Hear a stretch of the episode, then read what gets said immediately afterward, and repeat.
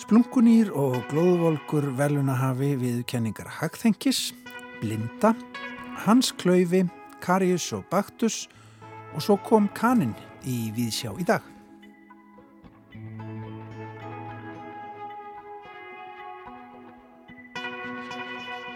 Já, nú á fymta tímanum verður afvend vestur í þjóðarbóklöðum viðurkenning Hagþengis, félagshöfunda fræðirita og kennslugagna.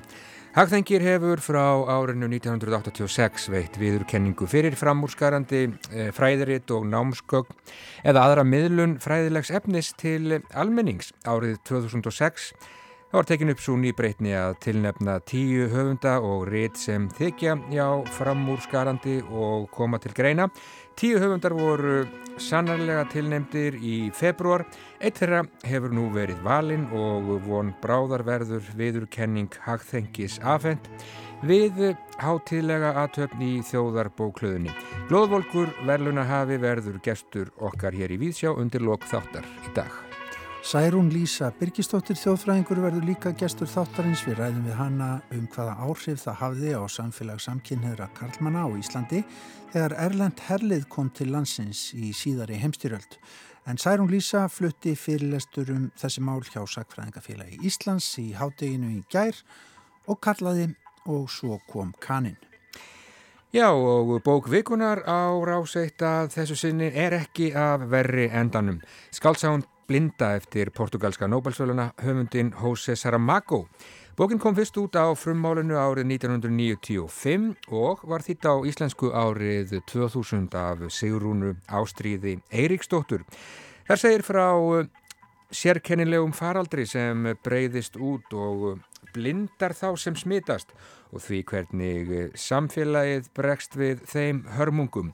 Óglemanleg skáltsaga sannanlega sem, já, kannski á bísna vel við nú, ég veit það ekki. Við heyrum í Sigrúnu í Víðsjá í dag. Og Snæpjút Brynjason, hann fjallar um barnarleikhús síningarnar Hans Klaufa sem að leikópurinn Lotta sínir í Tjarnabíói og Karis og Baktus. Það verk er sínt í Kaldalóns sal Hörpu. Já, svona verður við sjá í dag en við ætlum að byrja á áhrifum hernáms bandariska hersins á skemmtanarlíf samkynneðra á stríðsárunum.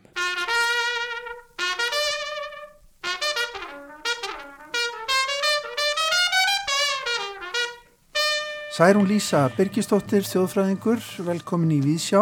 Takk fyrir. Þú varst með erindi í hátægisfundaröð Sakfræðingafélags Íslands í gær mm -hmm. sem að fjallaði um já, ástandsárin og þá kannski með aldrei öðruvísi fókus en við heyrum oft um. Mm -hmm. Það er að segja hvaða áhrif hernámsliðin höfðu á uh, samkynneða í Reykjavík, Kallmenn. Mm -hmm.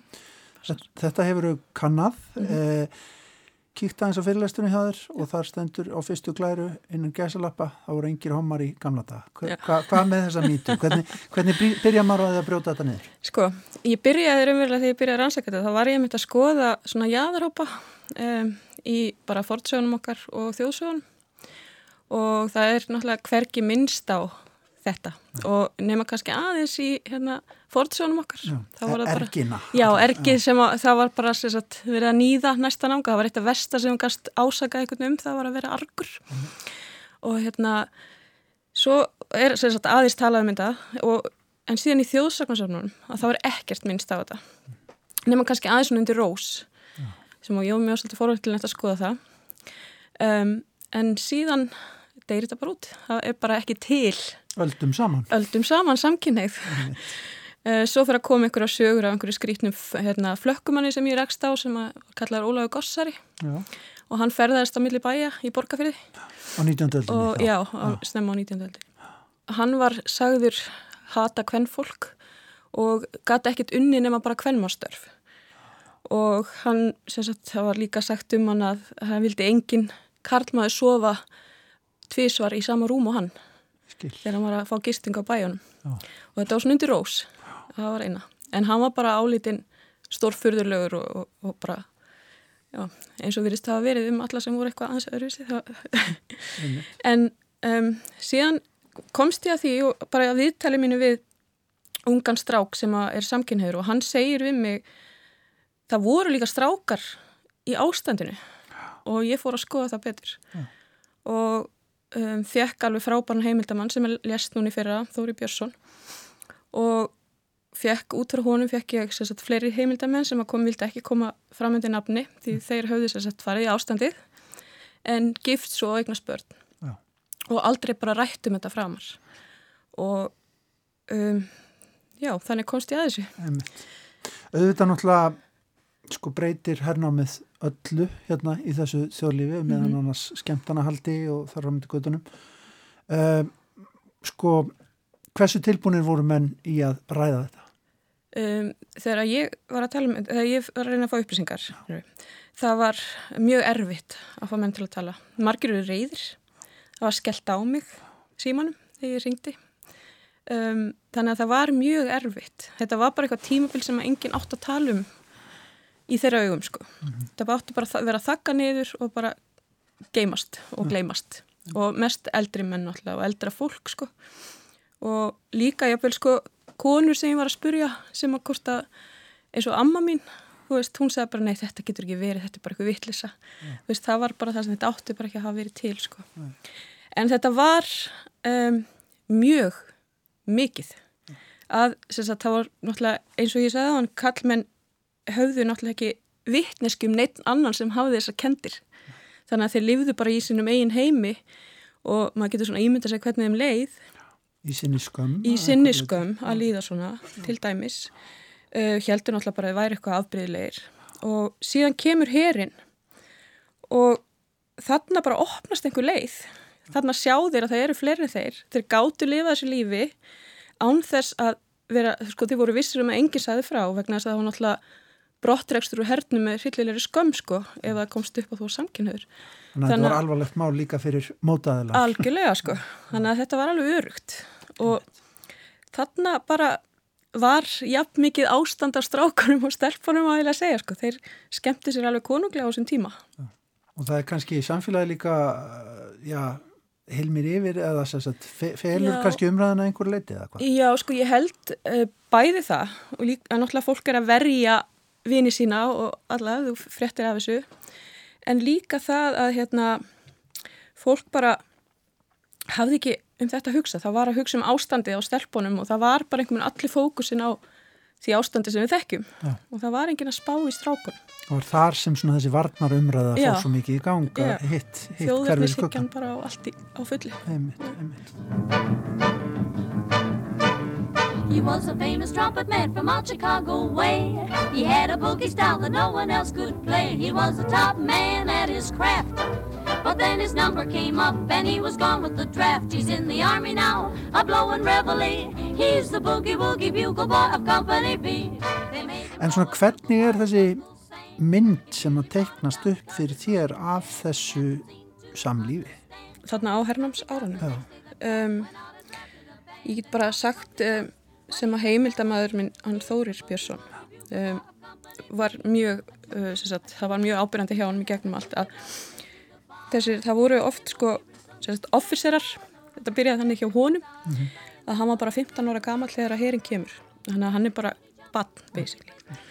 Um, hann var sóttur á kvöldin að hann var í sambandi við þess að herrlækni á tímabili sem var náttúrulega miklu eldri en hann helmingi eldri vantilega og hann var bara sóttur á flottum bíl á kvöldin farið með hann til hans kom heim aftur stútfullur með sko, fullt af gjöfum og alls konar sem hann faldi út í skúr af því að hann fóði ekki að láta neitt sjá það því hann gæti ekki sagt frá hvern hann hafi fengið, hversun hann hafi fengið allar þessar gafir.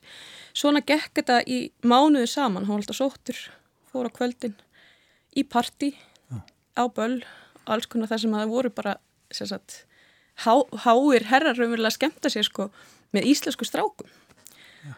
Þetta er ótrúlega heimur og síðan hérna var hann í sambandi alveg uh, í rúmt ár með 23 ára gamlum Hermanni og hann fór til dæmis í heimsók til ömmusin og afa út á land með þennan Hermann og þeir voru náttúrulega kæristupar en engum datta í hug þannig að þetta var bara vinnur hans Þóris sem var að koma með honum en sko það var rosalega mikil hérna parti, það var rosalega mikið drikkjuskapur, það var rosalega mikið mikið svona, þetta var eiginlega karnival ástand þar sem að allt var leifilegt og bara á þessu tíma, á þessu, á þessu stað, þessu stund var allt leifilegt og þú varst vissum að það fór ekkit lengra. Þannig að fólk slefti einhver með fram að sér beislinu við erum störa bara. Það opnast þannig fyrir, já, segja, þörf kendir eða að menn einhvern veginn hleypa út Já, því sem býr, þeim býr í brjósti. Já, þannig að þetta bara var, allt í hennu var þetta frelsi til að geta verið og líka það, þessi menn sá í fyrsta skipti það voru, þeir voru ekkert einir í heiminum og síðan náttúrulega skömmin í þjóðfélag, sko, eftir á þá náttúrulega myndaðist hópur samkynniðra. Það má eiginlega segja her, að hernami hafi stuðlað því að samkynniðir á Íslandi urðu hópur. Ja því að þarna voru þeir fannir að þekkjast samkynniði kallmenn og þeir fóru að hanga saman og vera sagt, í hópum og mynda vináttu og, og þannig að það var tala mjög illa um það og það var svona undir rós og það fór stað sko rosalega blaðu umfjöllun eftir stríð mm -hmm. um kynvillu faraldir á Íslandi og, og hérna, þessi menn hengu bara á búlum með einhverjum listamennum og, og hérna, tældu börn. Mm -hmm. Það var alltaf við, viðkvæði sko, þetta væri allt svona Þetta er málað sem hryllilegustum litum. Já, þetta var bara ræðilegt fólk, var bara ah, ah. hérna, í, í augum almennings. Dagblöðin og svona þau, þau yktu þetta alveg og náttúrulega fólk dregst með. Mhm, akkurat. Við tölum stundum með þetta um að, að já, nútíminn hafi komið aldrei með hernáminu til já, Íslands já, -hmm. og, og þetta er auðvitað bara einn ein hliðin á því. Já, já, algjörlega. Bæði æsiblaðamennskan og, og hérna og svona fólk kannski þorði að vera eins út á við sko mm -hmm. Sko, ætlar að kanna þetta eitthvað nánar með, með í framtíðinu, hefur hugað því er hægt að, já, er hægt að grafa nánar? Það er raunverulega ekki hægt að grafa nánar í þetta tímanbíl, sko eins og ég sagði, Þórir sem var sá sem að talaði mest, hann var alltaf opið minn sína kynneigð, hann var aldrei í felum og var í gleðigöngun allar sína æfi og hann, hann dórumlega nýraður mm -hmm. um, hann var eiginlega svo eini sem var svona miðjan af öllum mínum heimildum. Ég fekk allar mína heimildum en bara í gegnum hann hans vini sem ákvæða um, það er held ég allt sagt. Ja. það er mjög erfitt að, að fara lengra í þessu. Mm -hmm. því það er náttúrulega já, langt úr liðið og, og það er bara þöggun yfir þessu tjámbili Takk fyrir að koma í vísjá og segja okkur frá. Ég veit að hérna, við getum talað lengi um, um þetta en þetta er forvittnileg hlið á já, nútíma væðingu í Íslandsk samfélags. Já, algjörlega. Takk fyrir komuna í Íðsjá Særún Lísa. He can't blow a note if the bass and guitar isn't with him And the company jumps when he plays reveille. He's a boogie-woogie bugle of Company B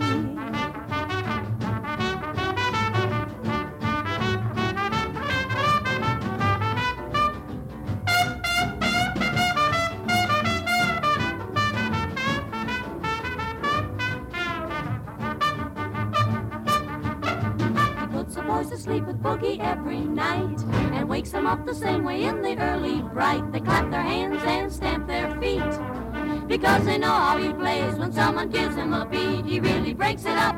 When he plays reveille, he's the boogie woogie bugle of Company B. Da, da, da, da.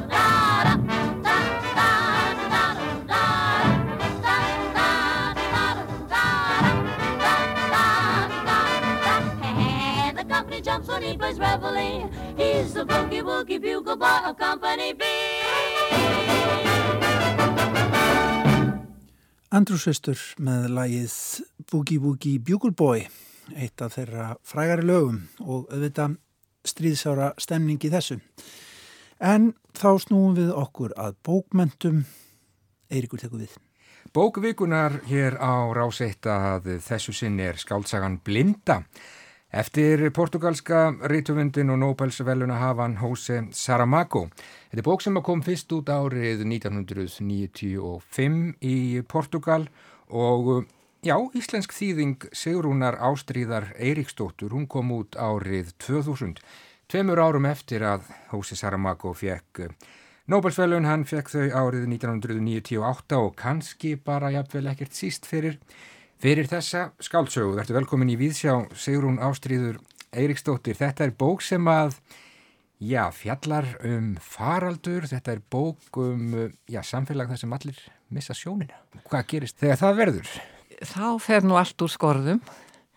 Það, það leysast upp allar venjur og reglur og, og fólk reynir bara að bjarga sig hver sem betur getur en þannig er einmanneskja sem missir ekki sjónina Já, og það verður nú til þess að, að það er hérna, hún verður eins konar leiðsugum leiðsugu maður lítils hóps. já, ummitt. Og þarna ekki satt, um, já, grípa stjórnvöld til örþrifa ráða, um, það fer allt á kvolf. Það fer allt á kvolf. Það er þannig að stjórnvöld hérna vilja einangra þetta fólk eh, sem hef, hefur orði blind.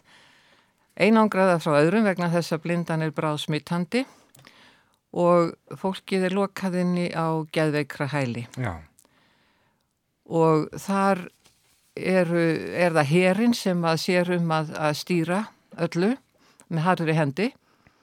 E, þanga til minnum eitt góða veðurdag að, að herrmenninni flýjallir til að forðast þennan faraldur sem geysar. já. Þarna tekur, um, já, frumskóar lögmálið uh, eiginlega völdin uh, með tilherandi ofbeldi, nöðgunum, ránum og, og grip, deildum. Saramago er svolítið að sína okkur þarna inn í, já, ekki bara mannlegt eðli heldur líka það hvernig, hvernig samfélag okkar virka eða, eða geta virkað við ákveðnar kringumstæður. Jú, það eru þetta þarna ríkjur upplausn og það eru þeir sem að eru kannski ósýnari eða ég vil telja sér sterkari. E, mér minni nú að, að hópur manna þarna væri e, e, ætti bissu og það var til þess að þeir töldu sig geta ógnað öðrum og þeir gerust, þeir voru, það var hróttalegt allt sem þeir gerðu Mm -hmm. og hérna þannig að það auðvitað bendir til þess hvernig, já, fyrir skóar lögmálið ríkir þarna algjörlega og, og mikið lítvirki virki framinn en, en svo maður þetta verður að hafa í huga kannski líka að, að höfundur sagði nú yðurlega þetta væri allegória Já, og þá er, þá breytist kannski svo lítið lesturinn að því letinu til að það þarf þá ekki neitt faraldur til að til að menn hægir sér eins og skeppnur. nákvæmlega. Þetta er, já, dæmi saga eins og hann nefndi sjálfur og þú, þú minnist á. Uh, hann sagði líka einhvern tíman í viðtali að, að ástæðan fyrir því að, að allir eru blindir í þessari bók, um, hún sé einfallega svo að við séum í raun og veru með einhverjum hætti öll blind. Nefndi sem dæmi að á, já, fjögura sekundna fresti þá væri barn að deyja úr hungri einhver staðar í, í heiminum, uh, við erum öll blind og við, við lokum augunum fyrir, fyrir ansi mörgu. Já, það er nú heldur það sem að svona þegar upp er staðið að við lesum úr þessu öllu saman að þetta er, þetta er svona verið að fjalla um manneskjuna bara í, í, í nötulegri mynd. Já, oft svona, já, siðferðilegur og pólitískur tótn hjá Saramago og ekki síst í þessari bók eða hvað? Já, hann er sérstaklega myndi ég nú segja siðferðilegur, Mm öllu öðru fremur Já, og að þau nú að tala um það hvernig, já, hvernig fólk haga sér þarna og, og grimdina sem mennirni verður upp í sér að þá verð ég nú eiginlega að nefna eina persónu sem eru miklu uppáhaldi hjá mér það er hundurinn já, einmitt. Já. Hann er eftirminnilegur. hann er eftirminnilegur, já. akkurat. Um, sko, þú þýðir þessa bók árið 2000, þú þekkir þennan stíl Saramagos sem er alveg einstakur, göldróttur nánast, mjög töfrandi. Hvernig, hvernig er að þýða Saramago? það er mjög skemmtilegt Já, ég trú því. Já. það er svo skemmtilegt bæði náttúrulega þegar þetta er afskaplega vel skrifað en ekki síst fyrir það að maður sér það strax hvað hugsun þessa höfundar er skýr Mhm. allan tíman Já, þannig að, að það er eh, maður veit hvað hann er að segja já, og það er auðvitað alveg hérna mjög, mjög dýrmætt fyrir þýðanda að vita hvað höfundur er að segja það er ekki alltaf sem það gerir sko. nei. Hann vissi það svo sannarlega og sagði einhvern tíman að hann, já, þegar hann byrjar að skrifa nýja skáldsög þá, þá væri hann algjörlega búin að tekna hann upp og vissi meira sér hvernig síðasta setningin er því, já, sem er að tilsverð. já, já, það er það Já, mjög Já. svo. já, Um, sko, Jose Saramago hann deyr árið 2010 fyrir tíu árum síðan fættur 1922 og uh, hóf nú sinn feril seint, hann starfaði meðal hann sem velvirki og bladamaður á hann fór að skrifa. Um, þetta er eina bókin sem að komið hefur út eftir Saramago á íslensku. já, Því miður. því miður það er bara, já, því miður er það þannig að það er oft oft skortir svo litið á, já ég vil bara segja held í metnað hjá útgefendum Já. að gefa út svona höfunda sem að við ættum að eiga því að það væri, værum við betur sett, eða menning okkar væri betur sett ef við ættum fleiri bækur eftir mikla höfunda. Svo sannlega og við hefðum náttúrulega átt að nýta tækifæri þegar að Saramago kom hingað gestur á bókmyndaháttíð Reykjavík árið 2003. Það var eiginlega alveg einbóðið, Já. en var það ekki. Nei, það var það ekki. Nei, þá hefði nú verið gaman að fá skáldsögu sem að heitir, já, til dæmis árið sem að Ricardo Reis gespaði kólunni. Já, það hefði nú verið skemmtilegt. Já, Já, þar sem að höfuskáld Portugala er það ekki, Fernando Pessoa, gengur aftur. jú, það, það jú, jú. Það, það, þetta er alveg frábær saga og, og, og, gerist í Lissabon og, og Ricardo Reis, hann hérna, hann hún hefst á því að hann kemur til Lissabon, hann hafi bú, búið í Brasilíu og eh, stígur á land og, og kemst að því skömmu síðar að Pessoa er dáin. Já, nákvæmlega, þetta er bara 1936 Já, og ímislegt í uppsiklingu í Evrópu eins og við, við þekkjum á þeim tímum. Um, hvernig er að hugsa um blindu núna þessa bók uh, 20 árum eftir að þú þýttir hana? Já, þú getur nú ímyndaðir núna bara a- atburðir þetta síðustu vikna Já, þeir leiða hugan að, að skálsögunni, það er ekki annað hægt það er eiginlega bara hár réttur tími held ég til að lesa blindu nákvæmlega núna. það held ég Já, Það akkurat. ég, já. Bara eitt í lokin, uh, Sigrún, að því að bókin heitir uh, á frummálunu Ritgerðum blindu. Þú, Mm. þú sleppir ritgerðartillinum. Það var nú reyndar ekki mitt val Nei, það var það ekki sennilega, eh, ef mér dettur í hug að, að það hefur verið ákveðið hún heiti nú Blindness á í enskri þýðingu já, Ég býst við að það hefði verið sko ástæða þess að þessi titill var valinn en auðvitað hefði hún átt að heita Ríkjörðum blindu. mm kannski það. En viltu lesa fyrir mig örlítið brot úr, úr blindu áður en við eh, nemum staðar, Sigrún? Já, ég skal gera það. Ég les þá bara upphafið að bókinni. Það kviknaði á gulaljósinu, tveir fremstu bílarnir jukur hraðan áður en kviknaði á því rauða. Myndin af grænakarlinum kviknaði við gangbrautina. Fólkið sem beigð gekk nú yfir göttuna og stið á hvíta rendur sem málaður höfðu verið á svart malbyggið. Naumast er hægt að hugsa sér neitt ólíkara sebrahesti en þessa rendur á malbygginu. Egið að síður kallar fólk gangbrautina þessu nafni. Bílstjórarnir stóðu óþræju fullir á hemlum og kúplingu og voru viðbúnir að akka af stað, nýkuðu bílum sínum fram og aftur svo þeir líktust einna helst órólegum hestum sem skinjuðu svipuna reyta til högs. Nú er fólkið komið yfir göttuna en nokkrar sekundur er eftir að líða áður en grænaljósið kviknar og bílarnir geta ekkið af stað. Þótt þessi töf virðist óveruleg hefur því verið haldið fram að værun margfölduð með þeim þúsundum umferðarljósa sem fyrir finnast í borginni á sam sífældum skiptingunum sem verða millir lítana þryggja í hverjum götuvita komi í ljós ein helsta orsökin fyrir umferðarteppum eða flöskuhálsum svo að almennara orð sé notað. Loksins kviknaði grænt ljós og bílarnir brúðust rösklega við en þó kom í ljós að þeir höfðu ekki allir verið jafn viðbrasljótir, fremst í bílinn í miðröðinni stendur kyrr, þarna hlýtur að vera á ferðin einhver bílun, bensingjöf sem hefur losnað, föst skýrstöng eða vandræði með högdeifi búnaðinn, kannski hemlarnir standa á sér eða rafkerfið í ólægi, síðan ekki einfallega bensínlaus. Ekki var í það í fyrsta sinn sem slíkt gerðist. Aftur er fólk farið að sapna saman við gangbrautina og það fylgis með bílstjóranum sem baðar út handleggjunum fyrir innan framrúðuna meðan bílarnir bakviðan þeita ákaft flautuna. Nokkrir bílstjórar eru þegar komnir út úr bílum sínum og búa sig undir að íta bílaðabílnum í burtu svo þann stöðu ekki umferðina.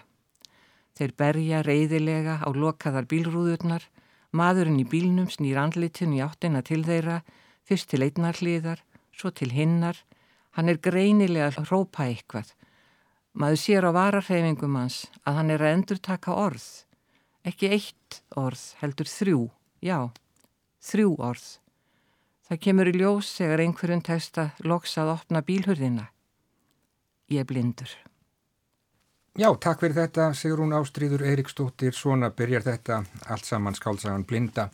Algjörlega magnaverk og jábókveikunar hér á ráseitt að þessu sinni gestir auðar aðalsteinsdóttur í þættinum á sunnudags morgun verða þau Holmfríður Garðarsdóttir, profesor í spænsku við Háskóla Íslands og Árni Heimir Ingólfsson, píjánuleikari og tónlistarfræðingur. Þar verður þessi bók rætt í þaula en ég segi takk fyrir komuna, Sigrún Ástríður og vonandi, já, dettur inn á borð hjá þér einhvern tíman tilbóðum að þýða fleiri bækur eftir Saramago. Takk. Takk að þið fyrir. Já, aldilis spennandi bók, Blinda eftir Jose Saramago og áhrifarík í marga staði. Heldur betur, en þá bregðum við okkur á getur hlustendur í leikhús. Snæbjörn Brynjarsson, hann hugar í dag að tveimur síningum sem helgaðar eru börnum. Þar eru í báðum tilfellum kunnulegir, kumpánar á ferð, góðkunningjar, margra kynnslóða. Það er mjög fjölbreytt úrvala barnasýningum í bóði fyrir leikhúsbörn þennan februar. Þjóðleikhúsið býður upp á sjálfstætt framhald af þínu eigin leikhúsi þar sem krökkum býðst í þetta sinn að fara á tímaflakk og borgarleikhúsið frumsynir gósa í lok februar. Í þessum pyrstli ætlum við þó að líta á það sem er að gerast á sjálfstæðu senunni en yfirleitt hefur svo sena staðis jæfnvel enn betur en stopnarnarleikhúsin til dæmis helt möguleikhúsið upp í barnarleikhúsmenning á Íslandum langt skeið þrátt fyrir takmarkaðan stuðning en í dag má segja að aðal kindilberi barnarleikhúsins á Íslandi sé leikhópurinn Lotta. Leikópurinn rekur rætu sínar í áhuga leikúsið og var stopnaður 2006 en fór fljótlega að feta sinn á slóðir atvinnumennskum því gríðarlegar vinsaldi síningana sem voru allar haldnar utandira var meðlumum hópsins fljótt ágætt tekjulind. Það tók þó langan tíma fyrir hópin að öðlast á listrænu viðkenningu sem fælst í að fá listamannarlaun en þau hefa nýst hópnum til að gera starri og metnaðargjarnari síningar. Hans klöfi er nú síndur innandir í Tjarnabjó en fer eflaust á flakk þegar snjórin þiðnar þá munu æfintýra prinsar og lóur sjást út í móa til jafs. Leikiritið byggir á textum eftir Snæbjörn Ragnarsson, Pislahönd og Skálmaldar meðlim sem leikararnir og leikstjórnir hafa unnið leikjærð upp úr. Leikstjórar eru þær Þórun Lárustóttir og Anna Bergljótt Þórarensen. Hans glöfi er verk með söngum og dansum sem snýst aðlægi kringum Aron Prins, mun frekar en hans klöfa, sem þó er tryggasti vinur og ráðgjáði prinsins. En Aron ásið þann draum að skapa jafnara og réttlátara samfélag, snoppuðum sískinum sínum mikil strama. Öskubuska er einnig stór persona í leikverkinu en það er óþarfi að spilla sögunni frekar.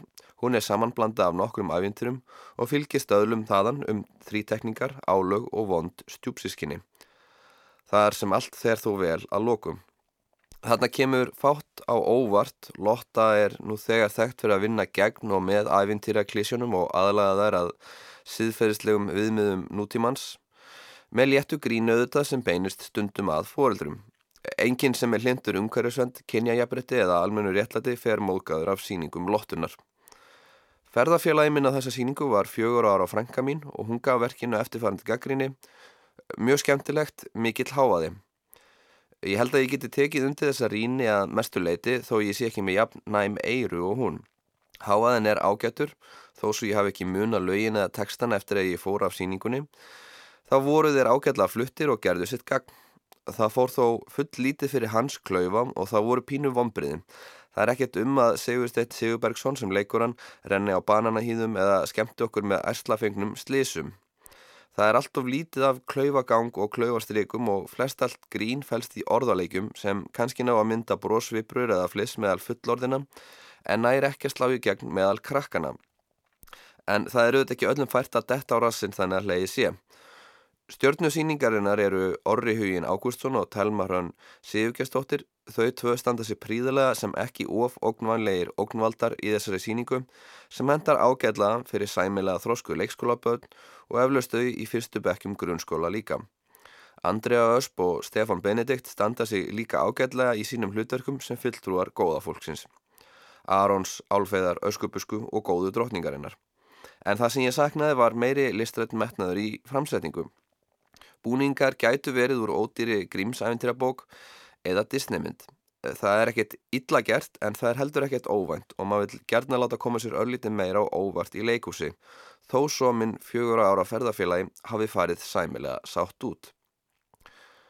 Helgin eftir það kýktu við svo á hýna batnasýninguna sem nýlega var frumsýnd en það er klassiska leikritið Karius og Baktus sem sínd er í Kaldalónsarnum í Hörpu.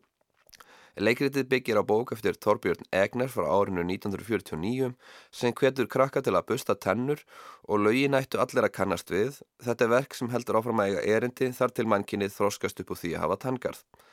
Eh, líkt og Hans Klaufi leikstýra tvær konurverkinu, það er Agnes Wild og Sara Marti Guðmundsdóttir. Leikaratni tveir eru Elisabeth Skagfjörð og Kjartandari Kristjánsson, tónlist og hljóðmyndir í höndum Stefáns Örd Gunnlaugssonar, myndbandsvinslan í höndum Steinars Júliussonar og leikmynd og búninga annað Steinun Marta Önnudóttir og þar með er listrænt teimi síningarinnar upptalið. Karius og Baktus er ekki bara sagum að busta tennur. Í raun fylgir hún í megin atriðum uppbyggingu hefðbundins harmlegs eins og Aristoteles hefði skilgrindan. Hann gerist allur á sama stað og innan afmarkaðs tíma og lýsi því hvernig mikilmennsku brjálaði eða hubris verður annars fullkomnum hetjum að falli. Í þessu tilviki gegnir Jens hlutverki hins alvalda Seifs sem hefur veitt Karius og Baktusi mikla velsæld og gæfum en refsar um leið og þeir ofmætnast. Hinn afar norski bóðskapur snýst fyrst og fremst um næjusemina. Ef tanntröllin hefur látið sér duga þann nammi sem þeir fengu og haldið sér í litlu hólunum við rætur tannfjallana í staðis að ofmetnast og grafa glæsi hísi í jakslana og lemja með hökum sínum í tannbergið með kröfur um meira nammi, hefði samlífið þeirra með Jens kannski getað orðið farsætla. Samúðatkar ættu þetta að vera með Jens en óhjákamilega snýst hún smám saman bakteríunum í vil og undir lokin fær maður að spyrja sig hvort það sé siðferðislega rétt að busta tennutna svo vel að greiðin litlu eigi hverki heima. Sviðsmyndin er falleg og það sama má segja um búningana, litir og áferð verksins er smeklega samansett. Sýningin hefst á myndbandi þar sem gummibángsar dansa við örlítið poppaðri útgáðu að þemalænu en svo gamla útgáða sem var í huga mínum. Það þarf þó alltaf að taka það fram að maður sér aldrei aftur Karius og Baktus, dýrin í hálsaskói eða kardimömmubæin á þann máta sem mann myndi að maður hefði séð þegar maður var yngri og engin ný uppfarslaðum getur staðið undir slíkum væntingum. Það var spenna og eftirvænting í salum þegar harmleikurinn um tamtröllin Karius og Baktus hóst sem ég veit ekki hvort gummibangsa myndbandi gerði nokkuð til að bæta í eða draga úr. Að öðru leiti voru myndbandin nöðsileg til að skýra narratífið og nokkuð fyndin þegar vel tókst til. Sankvæmt fjögur ára aðstofakonu minni var þetta bara mjög skemmtilegt. Að ég gerir mig grein fyrir því að næst til ég fæina með mér til að hjálpa mér að skrifa dóm verður við að bæta orðaforðan og kannski krytta smá með orðum eins og hrífandi, órauðukent, harmþrungið, hjákáttlegt eða jæfnvel bara spennandi eða sorglegt. En í byli verður þetta döga sem umsókn fyrir bæði Hans Klauva og Karius og Baktus, báða síningar eru skemmtilegar fyrir unga áhörundur. Karius og Baktus er með meiri listræna metnað í umgjörðinni og aðteglisverðari fagufræðari. Hans klöfi hefur meira bröndurum fyrir fullorna til að hlæjað og er að mörguleiti fjörugur í síning. En báðar henda mjög vel fyrir alla fóreldra, ömmur og afa og helgarpappa líka sem vilja aðeins brjóta upp helgina og fara með börnin í leikúsferð. Saði Snæbjörn Brynjarsson um uh, leikús fyrir blessuð börnin. Það eru mikilvægt að þau fái uppveldi í því, leikúsinu. Já, heldur betur, það er bara mjög gott. Snæbjörn talaði þarna um leiksýningarnar, Karius og Baktus og Hans Klauva, þetta eru, þetta eru menn sem við þekkjum, Guðni. Já, maður er alveg upp á þessu. Já, heldur betur, og rúlega það. Mótuðu mann, þessir, þessir guttar. Nákvæmlega. En við ætlum að huga að hagþengisvelunum, það stýttist í það að splungunýr og glóðvolkur veluna hafi viðkenningar hagþengis þetta árið fyrir fræðiritt kom í heimsókn hingað í Vísjá til þess að ræða nýja bók en Já, fyrst, hann eða hún er bara að leitað bílastæði held ég. Já, einmitt. Já. Og, En fyrst sko þá vorum við að tala um að velja lag. Þú valdi lag sem að heitir I'm on an island. Ég kannast ekki alveg, ég kannast eitthvað við testanir samt við titilin segja ég en ekki kannski alveg. Já, hvað, þetta er nú að þekka guðinu þetta er uh, Bresk hljómsveit sem að hétt Kings Já. og var fræg fyrir margt, margt löngur, reyndar nánast fyrir mínatíði líka en komum við býtlaði til Íslands Já, heldur betur, en uh, þetta lag heitir já I'm on an island og því ósköpunum skildi ég nú velja það, Guðni góð spurning. Af því að við erum á eigu og við komumst ekki neitt. Lustaðu.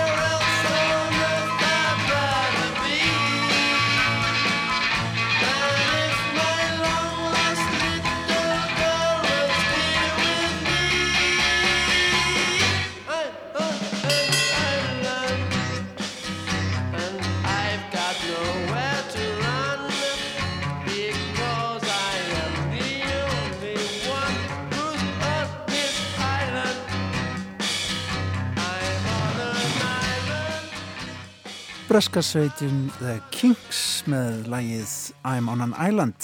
Já, við erum á eigi og við komumst ekki neitt. En hingaði við sjá er komin góður gestur.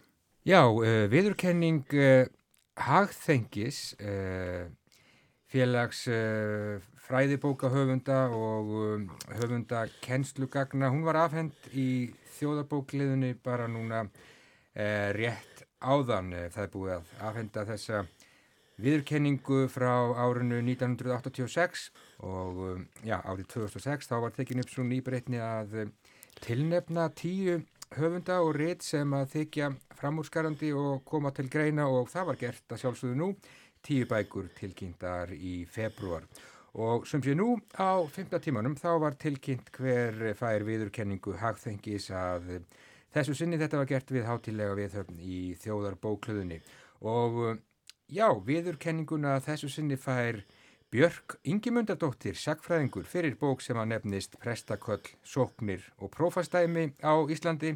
Þetta eru tvö bindi sem að þjóðskjálasafn gefur út.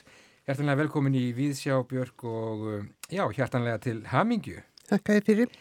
Segðu mér nú aðeins frá, mér er sagt að þetta sé uh, grundvallarrit og þú sérst að vinna þarna frumkvöðla starf sem þú hófst, já fyrir um það byl 35 árum þegar þú fóst að grúska í, eða endur skrá, skjálasöfn, presta og prófasta og komst í feitt. Já, það er nú í raun og veru þannig að þegar ég fer að skoða þetta, þá sé ég hvað hafa orðið gífilega breytingar á prestaköllum og sóknum síðan hvað um miðja átjóndu öll þegar fæsla e, prestunstu bóka og sóknamannatala hófst og e, þannig að mér þótti full ástæða til þess að gera grein fyrir þeim breytingum. Já, og, uh, og setna fór ég svo út í það að auka við þetta, reyna alla upplýsingar um, upplýsingar um hérna kirkjur, eh, sem sagt alkirkjur og hálkirkjur, eiginlega frá upphafi eða eldstu heimildirnar eru frá 12. öld og, og sem sagt þetta spannar þá ein, frá 12. öld og til ásins 2017 eða loka þess árs. já, það er ansi, ansi langur, langur tími.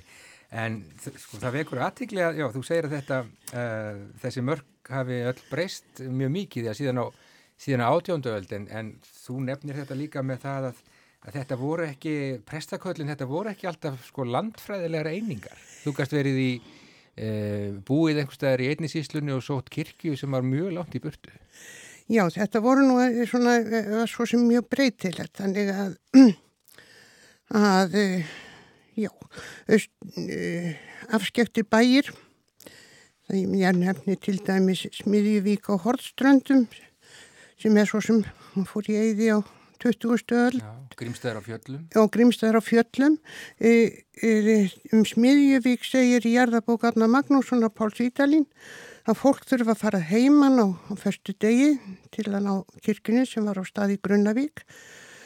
En þó var það óvíst að það næði messunni vegna e, það þurfti að fara yfir það þrjá fjallvegi. Já, þetta er aldrei merkilegt. En þessar heimildir sem að þú ert að móða úr Björk, þetta, uh, þessi skjálasöfn, presta og uh, já, bara þetta hlutverk sem að kirkjan hafði á, á sínum tíma, hún jafnvel hafði fleiri og viðtækari verkefni en, en veraldarvaldið og þarna eru heimildir sem eru, já, bara grundvöllur þekkingar okkar á lífi eh, forfeðra okkar frá, frá vöggu til grafa, heimildir um um samfélagið, persónusögu, trúarlíf, mentun og svo framvegis. Já, sko þannig að prestum var, voru falin fjölmörg hlutverk. Sko í framanna var nú lagð aðal áherslu á kristendóms fræðsluna, svo þegar e, miðja e, átjöndu öld, þá er farið að e, þurfaðir að, að hérna fylgjast með því að fólk sé læst, lestra kunnáta var, varð skilirði já, fyrir fermingu og, og fyrir giftingu. Já, nákvæmlega. og, uh, og svo bætist uh, hérna, þeir þurfa að fylgjast með því fólk, hvernig fólk hagaði sér. Uh, prestarnir þurfti að gefa fólki vottorðum að það hefði gengið til alltarist þegar það fór millir sókna og jafnvel höfðu þeir nokkus konar lögreglu eftirlit. Já, Síslumennir höfðu þó aðal úrslitavaldið en, en, en, en ef fólk flutti búferlum í aðra síslu eða kom úr öðrum síslum, já þá þurftu prestarnir að líti eftir því að það hefði sín skilríki í lagi. já. Aðrar heimildir, Björk, þú notar þarna bók sem að heitir Jarðatal á Íslandi Jú. eftir Jón Jónsson frá, frá 19. öld, Já, hann, brefasapn og margt, margt fleira þetta. jú, jú, þannig, já, í raun og veru nota ég nú fyrst og fremst uh, þetta, ofinbæra heimildir Já, e, e, stjórnatíðindi, alþingistíðindi, jarðabókarna Magnússonar, Íslands forbrifasafn og, og fleira. Svo á síðustu árum nota ég vef kirkjuþings en þetta bara segir ekki alla söguna nei, nákvæmlega. vegna þess að það urðu, uh, uh, já, breytingarnar urðu ekki uh, sem fyrir, voru fyrir mælum. Uh, þær gerðist löngu síðar, það til dæmis átt að leggja niður prestakall á, uh, hvað, 1765, nei, uh, já, kirkjusók segja, 1765, það var gert rúm uh, 1890 Já, og svona og svo náttúrulega þetta að breytingar eru ekki auglýstar. Þannig að, að til að, e, að stundum eru það bara hugdettur. Þegar ég var að lesa handið í gegn þá kem, kom allt í ég sló niður í huga mér þetta skal það aðtöka betur. Mm já, nákvæmlega. Það er mörg að higgja í þessu en uh, sko hvernig sér þú fyrir þér Björk að þetta rít, þessi tvö bindi muni já, nýtast bæði fræðumönnum og almenningi Lára Magnúsadóttir, hún uh, situr í viðurkenningaráði Hackþengis og fluttist upp á, ávarpi í þjóðarbóklöðunni áðan og hún sagði að já, þetta rít væri já, svona leikill að heimildum og og upplýsingum líkill sem að geti opnað margar dyr, bara rétt eins og orðabók er líkill að tungumál. Já, þetta er náttúrulega þannig að þarna ger ég greið eh, fyrir því að eh, hvaða, í hvaða reppi þessi sóknambægir eru. Í hverju einustu sókn þeir gáttu eh, bægir í, í, í sókn gáttu verið jáfnvel úr þremur reppum og og eins og sóknina tegðu sig yfir síslur Já. og, og repp, einn reppur gætt skipst milli já, þryggja eða jáfnvel fjögur uh, prestakalla Já. og, og þá sex sókna þannig en, en uh, það er sem sagt þannig að menn, uh, með þessu að þá geta menn samhæft upplýsingar frá reppum og, uh, og sveitarstjórnum og síslumönnum persónu upplýsingarna eru fyrst og fremst hjá uh, prestunu, eða frá prestunum. Já. en svo svona sko um almannahægi og, þess áttar, það er hjá reppum og síslum Já, þú sagðir í þakkaræðu þinni í þjóðarbóklöðunni nú rétt áðan að eh, já, sóknir og prestaköll á Íslandi hafi löngum verið undarlegt fyrirbæri. Já, sko, ég nefni e, þarna til dæmis að bærin Galtalækur land, í landsveit, sem margir mun nú kannast við frá fornumfræði frá Galtalækjamótunum, að hann var alltaf í skarðsók.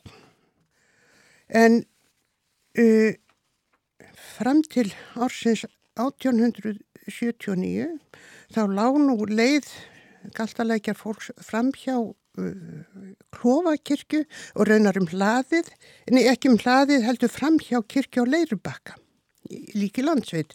Þó var þetta allt í sama uh, prestakallinu landþingum. Og svo var þetta líka þannig að, að hérna bæir gáttu flakkað á milli sókna, ég vil prestakalla, að e, e, austur í Hólreppi sem var í, ef núna held ég að sé Rangarþingi Eistra, er, er bær sem heitir Langagerði. Og hann var e, til skiptis, eða annarkvert ár, í breyðabólstaðarsókn og, og breyðabólstaða prestakall í fljótslið, en hitt árið Í Stórólfsfólksókn, í Stórólfsfólksþingum sem setna voru í ottaprestaka, eða ottaprestakalli og þetta helst alveg fram á allant fram á 20. stöld. Þá, þá gekk fólki eh, úr þjóðkirkjunni, gekk í annan söfnuð. Mér til mikil ergelsis þá frétti ég að fólkið hefur nú farið í þjóðkirkjun aftur með annari kynnslóð og þá setti þjóðskráðað í breðabólstöðu svo. Þannig að það er, þetta er allt mjög einhvern veginn drömkent og kannski aldrei órannverulegt og ekkert einfalt við þetta. Nei, e, og, og þetta auðvildar mönnum ekki Nei. að nota heimildirnar. Nákvæmlega. Eh, Það er uh, þjóðskjálasafn sem að gefur þessa bók út og þú þekkir þá stofnun nú þokkalega vel. Þú vannst þar í rúm 40 ár frá 1971 og, en hefur nú lagt niður störf þar en hefur nú kannski einhver tengsl við, við stofnununa í að síður? Í það má nýjanlega segja ég sé þar þarfakelling. Já,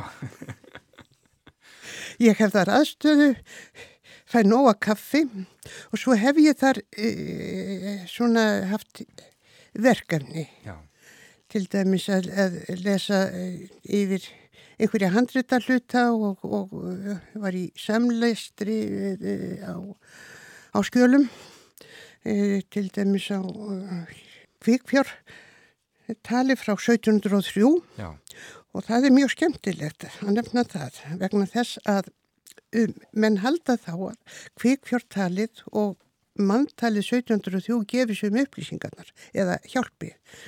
En þó að hortvækja sé kent við árið 1703 þá má eiginlega ekki segja því séu frá sama árinu. Nei, vegna þess að kvikfjártalið, eh, að manntalið er tekið fyrir fardaga, kvikfjártalið eftir fardaga, þá er komið nýtt fardaga ár og fólkið er farið að flytja. Já, það gerir af munin. Já.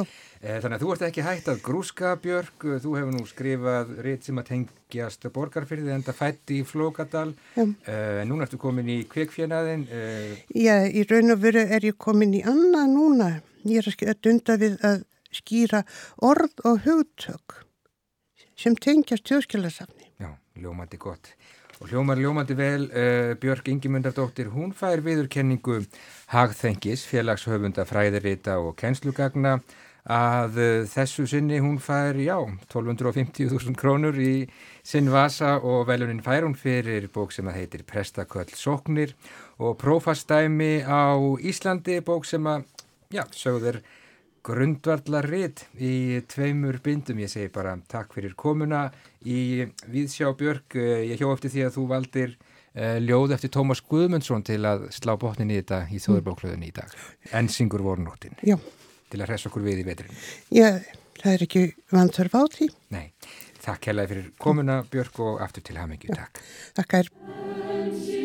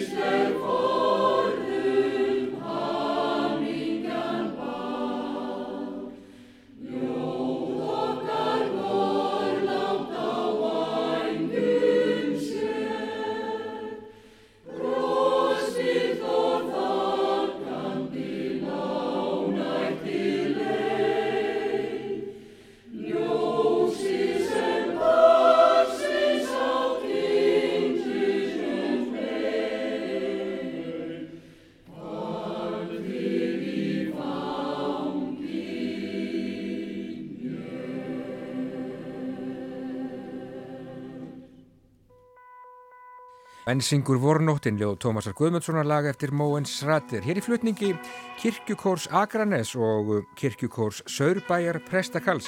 Við hæfi að heyra í Kirkjukór á eftir viðtali við Björk Ingimundadóttur Sakfræðing sem nú rétt í þessu tók við viðurkenningu Hagþengis félagshöfunda fræðarita og kennslugagna fyrir eitt sitt Prestaköll, Sóknir og Prófastæmi á Íslandi sem að þjóðskjálasafn Íslands gefur út en syngur vornóttin Þetta fallega ljóð Tómasar sungið í þjóðarbókluðunni nú rétt áðan á eftir þakkaræðu Bjarkar Ingimundardóttur þar söng Ragnheiður Ólafsdóttir öldurnar sungu sig sjálfar í dá síðustu ómarnir ströndinni frá hurfu í rökkur ró fallegt. Fallet er það. En ágættu hlustendur, við sjá í dag er lokið, verið sæl.